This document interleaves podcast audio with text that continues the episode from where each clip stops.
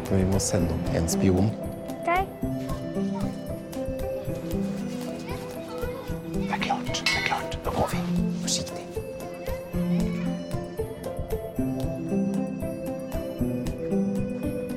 Vi deler på å ligge med hodet på hverandre, ikke sant? Det vi hørte nå, var opptak fra den norske kinofilmen 'Barndom', der du, Rebekka Karijord, har komponert musikken. Velkommen til Filmsamtalen. Takk. I 'Barndom' så brukes enkle, nesten spartanske virkemidler når du og filmskaper Margaret Olin skildrer barn i lek. I en barnehage der barna oppholder seg mye ute i natur, og budskapet synes å være at vi har glemt lekens betydning for barna. Kan du si noe om det kreative samspillet mellom deg og Margaret Olin eh, på filmen? Ja, altså jeg har jo jobbet med Margaret i noen år nå, og um, hun gir meg veldig frie hender. uh, Veldig mye tillit. Uh, så jeg så filmen um, først da den var ganske ferdig klippet, tror jeg, denne gangen. Det er jo ofte vanlig med dokumentarer at man gir skisser igjen til sånn at de klipper film til skissemusikken. I, i, I forhold til fiksjonsfilm hvor man ofte skriver til ferdig film. Uh, men denne gangen så var det litt mer en ferdig film jeg skrev til. Um, og det jeg tror vi var enige om, var at det var viktig at musikken eh, var veldig åpen. Um, og gjenspeiler på en måte eh, det barnesinnet som, som filmen prøver å skildre, da. Så det, det, var, det var ikke vanskelig å lage musikken til den, egentlig. Jeg følte bare at ok, her må det være veldig lite mørke. Veldig lite melankoli, egentlig. Bortsett fra noen, kanskje noen det fins noen undertoner i noen stykker som kanskje handler om Som, som, som man kan tenke at spiller på um, en frekvens i oss voksne uh, for at vi skal huske noe, på en måte. Um, Altså gjenoppvekke barndommen? ja, litt, kanskje. Um, det er jo en film for voksne, opplever jeg, om barn. Uh, selv om barn kan jo også se den. Datteren min har sett deler av den og hun syns det var veldig fint, og hun er barnehagebarn. Men uh, det jeg valgte å gjøre, var å liksom bruke veldig enkle virkemidler som eh, leirgjøk, faktisk. Aha. Er en av grunnlydene. En liten leirgjøk. Mm. Og mm, gitar og litt sånn folkemusikkaktige toner, fordi jeg opplever at den er jo Det finnes noe sånn nesten For meg spiller den nesten på noe sånn 70-tall tilbake til naturen-følelse. Jeg var jo Steiner barnehagebarn. Jeg skulle til å spørre om det. Ja. Mm. Sånn at det er et eller annet der som jeg som ganske intuitivt så gikk jeg tilbake til noe sånn veldig akustisk, organisk lydbilde. Ja. Bare for å si det, så utspiller jo handlingen seg i, i en Steiner-barnehage. Eh, Du har laget musikken til også Margaret Olins eh, andre dokumentarfilm av relativt ny dato, De andre, eh, som handlet jo om flyktninger og asylsøkere i Norge. Og kan du si litt om din tilnærming til de to filmene, for de er forskjellige på den måten at de andre var jo mer opprivende og, og polemisk på flere måter. Altså, den var vanskeligere å lage musikk til, syns jeg, fordi at um, Med barndom så kan man på en måte tillate seg å gå inn i et slags sånn drømskt, eh, esoterisk, liksom litt eh, fiktivt univers. Mens med barn, eh, de andre så var det veldig viktig for meg at tilskueren ikke satt igjen med en følelse av at dette er bare en film. Og musikk er så enormt eh, manipulerende kraft, på en måte. Sånn at det kan nokke bilder og nokke ord og alt. Sånn at jeg følte at jeg måtte være veldig varsom med, med de andre for å ikke legge føringer i musikken. Eh, og det jeg tror vi løste det med, var at jeg ikke tenkte så veldig mye på melodier. Det er ikke så veldig mye temaer. Barndom har mye mer liksom, melodiske temaer. Mm. Eh, mens de andre jobber jeg mye mer med litt sånn eh, soniske lydunivers, på en måte, som er sånn Kafka-aktige, klaustrofobiske, analoge. Mye hvitt brus, en del stemmer som lå Det var mer lyddesignjobb. Og, og store strykestykker. Hun ville ha noe ganske sånn symfonisk i begynnelsen, så der er det faktisk Der jobba vi med kammerorkester med strykere. Så det var mer omfattende på mange måter, da. Ja, det var det. Det var mye mer omfattende eh, musikkarbeid enn enn med barndom, ja. Hva er det ved Margaret Olins filmer og tilnærming som gjør henne spennende for deg å jobbe med? Altså, du nevnte det at hun gir deg mye frihet, eh, men altså, hvordan kommer dere da frem til noe dere er fornøyd med begge to? En veldig ordløs prosess med meg og Margaret. Eh, det, jeg tror man har liksom en, en slags eh, kreativ flow med visse mennesker, og så er det visse andre som man ikke finner det så lett med. Eh, og jeg tror at vi kommer tilbake til hverandre eh, gang på gang fordi at det går relativt lett da, eh, å finne et felles språk. Mm. Jeg opplever at det er veldig tilfredsstillende for meg personlig å jobbe med Margaret fordi at jeg Altså, hun jobber jo med temaer som veldig ofte berører meg sterkt. De andre var Det var en film som kom på et tidspunkt der jeg følte at jeg virkelig ville gjøre noe politisk selv, eh, kunstnerisk. Og, så det føltes veldig føltes som et lite flaggskip å gjøre den filmen. Bare, bare, det å gjøre musikken til den filmen føltes viktig for meg personlig. Um, og, og, barndom er jo Det slår an en annen streng i meg, på en måte. Som jeg har akkurat blitt mor selv, eller for noen år siden. Så det blir på en måte en annen frekvens. Men hun berører meg veldig ofte sterkt, da, Margrethe. Når jeg får skissene, når jeg får råklippene, jeg får en en teaser, så det er veldig ofte at jeg blir utrolig berørt av det hun gjør. Mm. Ikke alltid, men, men veldig ofte. Eh, for ikke så lenge siden så snakket jeg med en annen komponist, Gaute Storås, om det å komponere for film, og han var opptatt av at han måtte dele visjonen til regissøren. Mm. Men jeg tenker at altså, du har jobbet med ulike altså, filmer, TV-serier. Det er jo ikke alltid så lett å nøyaktig definere hva en regissørs visjon er, heller? Nei, ofte vet du det ikke i forkant når du blir spurt mm. om filmen. Så kan du tenke at ok, det her kan bli det eller det, og så blir det kanskje noe helt annet. Jeg opplever at det skjer ganske ofte. At uh, visjonen på papiret eller i tanken uh, arter seg på en annen måte enn en, en hva resultatet blir. Så jeg føler ganske ofte at jeg tar jeg, jeg tar en, Iblant tar jeg en råsjans og tenker at ok, det her Det er klart, jeg gjør jo ikke musikk til hva som helst. Jeg er også kritisk med hva jeg velger. Jeg, og det er mer en sånn Det er jo mitt Hva skal man si Stempel, mitt craftmanship, liksom. At jeg føler jeg kan eh, finne et tonalt språk som, som, som, er genuint og troverdig. Og da må jeg et eller annet sted må det berøre meg, tror jeg. Mm. Mm. Men, men det er det har absolutt hendt at en idé har vært mer tiltalende enn som har sett i prosessen at oi, det her kanskje ikke ble helt det som jeg hadde. For film er et komplekst medium. Mm. Eh, jeg syns det er interessant at altså, ditt nyeste album, 'Mother Tongue', har kommet omtrent samtidig med denne filmen, og begge berører jo omsorg for barn. Mm. Så det virker som du og Du nevnte før vi gikk inn i studio her at du og Margaret har vært ganske på bølgelengde når det gjelder en del temaer, uten at dere nødvendigvis uh, hadde vis visst om det på forhånd. Mm. Kan du si litt om det?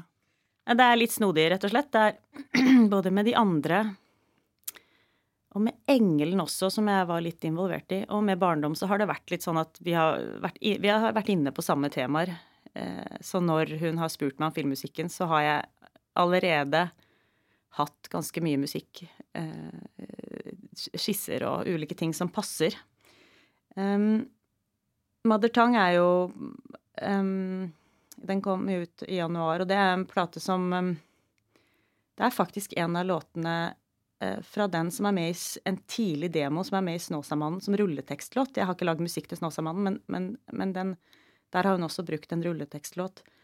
Uh, og det er en plate som handler ganske mye om instinkt om, og, om, å følge liksom en prosess med det å, å bli eh, foreldre for første gang.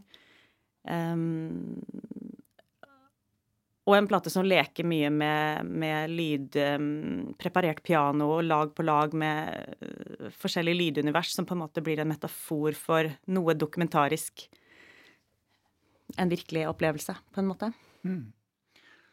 Mange av musikkvideoene dine er ganske filmatiske og fungerer jo noen ganger eh, som kunstneriske kortfilmer i seg selv. Altså, hvordan har du vært involvert i prosessen med å lage de videoene? Jeg har vært kjempeinvolvert. Ja. Um, vi har regissert flere av de også. Um, og så tror jeg de jeg ikke har regissert, så er det jo filmskapere som har, eh, som har lagd det fordi at jeg, jeg kjenner I og med at jeg har jobba med film siden jeg var tolv, egentlig, så kjenner jeg jo mange eh, filmskapere. Og det er veldig lite penger i musikkvideo, så ofte spør man venner. Ja, ja. Og jeg har jo ikke engang nevnt at du, at du har vært skuespiller i noen filmer, men det virker ikke som ambisjonsnivået er så sterkt der- Nei, det akkurat har der nå jeg lenger. forlatt for ganske Ja, lenge siden. Ja. Og det føles bra. Men det er veldig godt å beholde relasjonen til filmen. Mm. For det kjente jeg når jeg sluttet. Det var et bevisst valg å slutte som skuespiller. At, men det eneste jeg kommer til å savne, er det å jobbe med film. For jeg elsker liksom hele det her Igjen, kompleksiteten med film. Hvor mangefasettert det er. Det tekniske ved det. Og det får jeg jo lov til å beholde, om at jeg jobber som filmkomponist fortsatt, da. Et, altså en musikkvideo som mange har lagt merke til, eh, på YouTube særlig, er jo den til 'Use My Body While It's Still Young'. eh, da der, der du hadde et spesielt samarbeid med, med en, por- koreo, unnskyld, en koreograf og dansere. Eh, kan du fortelle litt om den? Ja, den, den teksten var på en måte så direkte at jeg følte at den måtte ha et kontrapunkt visuelt. Eh, så ganske tidlig så fikk jeg en idé om å ha en gammel kropp. Og da begynte jeg å gjøre research for å finne en, eh, en veldig vital eh, eldre kropp som var flink til å danse, eller som var profesjonell danser. Og da fant jeg Siv Ander, som har vært i Kullbergballetten, og som er Nå er hun vel 76. Og hun var helt fantastisk, så hun ble en slags hovedperson i, i den videoen. Eh, Og så ble det, det stykket, eller det, den videoen, ga idé til Hege Hågenrud, som jeg jobber med en del, som er en norsk koreograf. Eh, Hun, hun sa vi burde, vi burde lage et, et helaftens stykke av det her. Så det ble rett og slett en, en danseforestilling på operaen med fire eldre dansere, som også har, det har blitt spilt i London. Det har vært en, en utrolig fin prosess. Alle danserne var ja, jeg vet ikke, Han yngste var kanskje litt yngre, han var vel 60. Men det var en på 80, og Siv da på 75 og 76. Og det, det skjer ganske ofte med mitt arbeid at et, en plate For iblant så kan jeg tenke hvorfor lager jeg disse platene der? Man selger jo ikke plater lenger. Nei. Og det er utrolig dyrt å lage plate, og er det verdt det? Og noe annet enn for meg selv. Men det er det, fordi at det morfer liksom inn i andre prosjekt veldig ofte. Det blir enten en danseforestilling, eller så gir det opphav til filmmusikk, eller så blir det eh, Sirkus Cirkør i Sverige lagde en forestilling basert på en av mine låter som har turnert i hele verden. Og sånn at jeg opplever at det henger sammen mye, da. Um, akkurat som at filmmusikken gi, tillater meg å utforske på, på et, altså utforske på et sonisk, liksom, lydmessig nivå som jeg kanskje ikke helt hadde turt hvis jeg bare hadde vært soloartist. Så gir liksom soloprosjektene eh, blod og frisk, frisk næring, liksom, til andre kunstneriske prosjekt. Så det, jeg syns det er en veldig fin eh, vekselvirkning, da. Eh, når jeg snakket med Gaute Storås, så, så nevnte han at han hadde en guttedrøm om å lage musikk til en vikingfilm. Og da gjorde han jo det på Birkebeinerne. Ja. Eh, er det noen sånne drømmer du har? Altså noe du virkelig kunne ha veldig lyst til å, å komponere musikk til? ja, jeg kunne tenkt meg å jobbe med Steve McQueen. Mm. Um, men ikke med 12 Years a Slave og de store Hollywood-filmene, men mer tilbake til Hunger. Og Ja, nettopp. jeg syns Harry Escott sitt soundtrack til Shame er utrolig fint. Um, Mm. og det er et eller annet med hans måte å rendyrke én følelse som tiltaler meg veldig. Eh, og jeg har også utrolig lyst til å jobbe med en regissør som sier OK, nå går vi imot. Altså for eksempel sånn som um, eh, Hva heter han? Cliff eh, Gonzales eh, har gjort på Eller han som har gjort musikken til The Nick. Den her Eh, TV-serien. TV-serien, ja, på Ja. HBO. Ja. Ja. Han har jo brukt eh, sequencer, arpeggios, til et kostymedrama. Ja. Av Steven Soderberg. Ja. Ja. Mm, Cliff Martinez tror jeg han heter. Ja. Eh, og det er også en sånn ting som når jeg så det, så tenkte jeg bare Jeg fikk sånn lengsel etter For veldig ofte i Skandinavia syns jeg fortsatt at musikknivået ligger på Eller musikk, filmmusikk ligger på et nivå der man går veldig med, der man er veldig forsiktig. Eh, man tør ikke å være så avantgarde med musikken, da. Eh, Johnny Greenwood sin filmmusikk er jo ofte Han er et eksempel på noen som tør å gå imot. Så det tror jeg kanskje er noe jeg lengter etter. Å få noen prosjekter Ja. der man kan jobbe mer med friksjon. Det, ja, det atonale i There Will Be Blood, for Ja, eksempel. det er fantastisk. Ja. Mm. Helt eh, Men det krever jo virkelig et utrolig nært eh, og smart samarbeid mellom regissør og, og klipper og komponist. Mm. Så, så jeg tror kanskje Nå har jeg holdt på, nå har jeg lagd musikk til ganske mange filmer i Veldig mye dokumentarfilm. Jeg føler at jeg er klar nå omsider for å liksom utforske litt uh, andre arenaer. Uh, altså mer fiks, fiksjon og mer eh, Kanskje tenke litt utenfor Skandinavia også. Så jeg snuser litt på det. For det kan du jo fordi du er en internasjonal profil blitt etter hvert. Eh, hvor, hvor føler du at du på en måte Altså, du har base i Stockholm. Mm. Eh, vokste opp i Nord-Norge. Ja, Vokste opp på Nesodden mye fra jeg Ja. var åtte-ni, født i Nord-Norge. Og har hatt en base i Stockholm siden jeg var 23 omtrent. Men jeg har jo også et sted jeg kan være i Oslo, så jeg er jo her mye og jobber. Men nå har vi, jeg og familien min, solgt vår lille leilighet på Sødermalm og kjøpt en gård 20 minutter utenfor Stockholm. Så nå, nå prøver jeg å være der en stund. Bygge studio. jeg føler eh, ikke at jeg har sånn veldig bare tilhørighet til Sverige eller bare til Norge. Jeg føler meg veldig skandinavisk, på en måte. Mannen min er amerikansk, så jeg tilbringer mye tid eh, på Hawaii, der familien hans er fra. Hver vinter, faktisk. Der jobber jeg i en gammel trekirke med et flygel som jeg får låne. Em, ikke sånn kjempesugen på å bo i USA ellers akkurat nå, men, men um, jeg vet ikke. Jeg føl, jeg, det der er vel både en god og en litt vanskelig følelse. At jeg ikke helt vet hvor jeg hører til. Jeg hører litt sånn til overalt.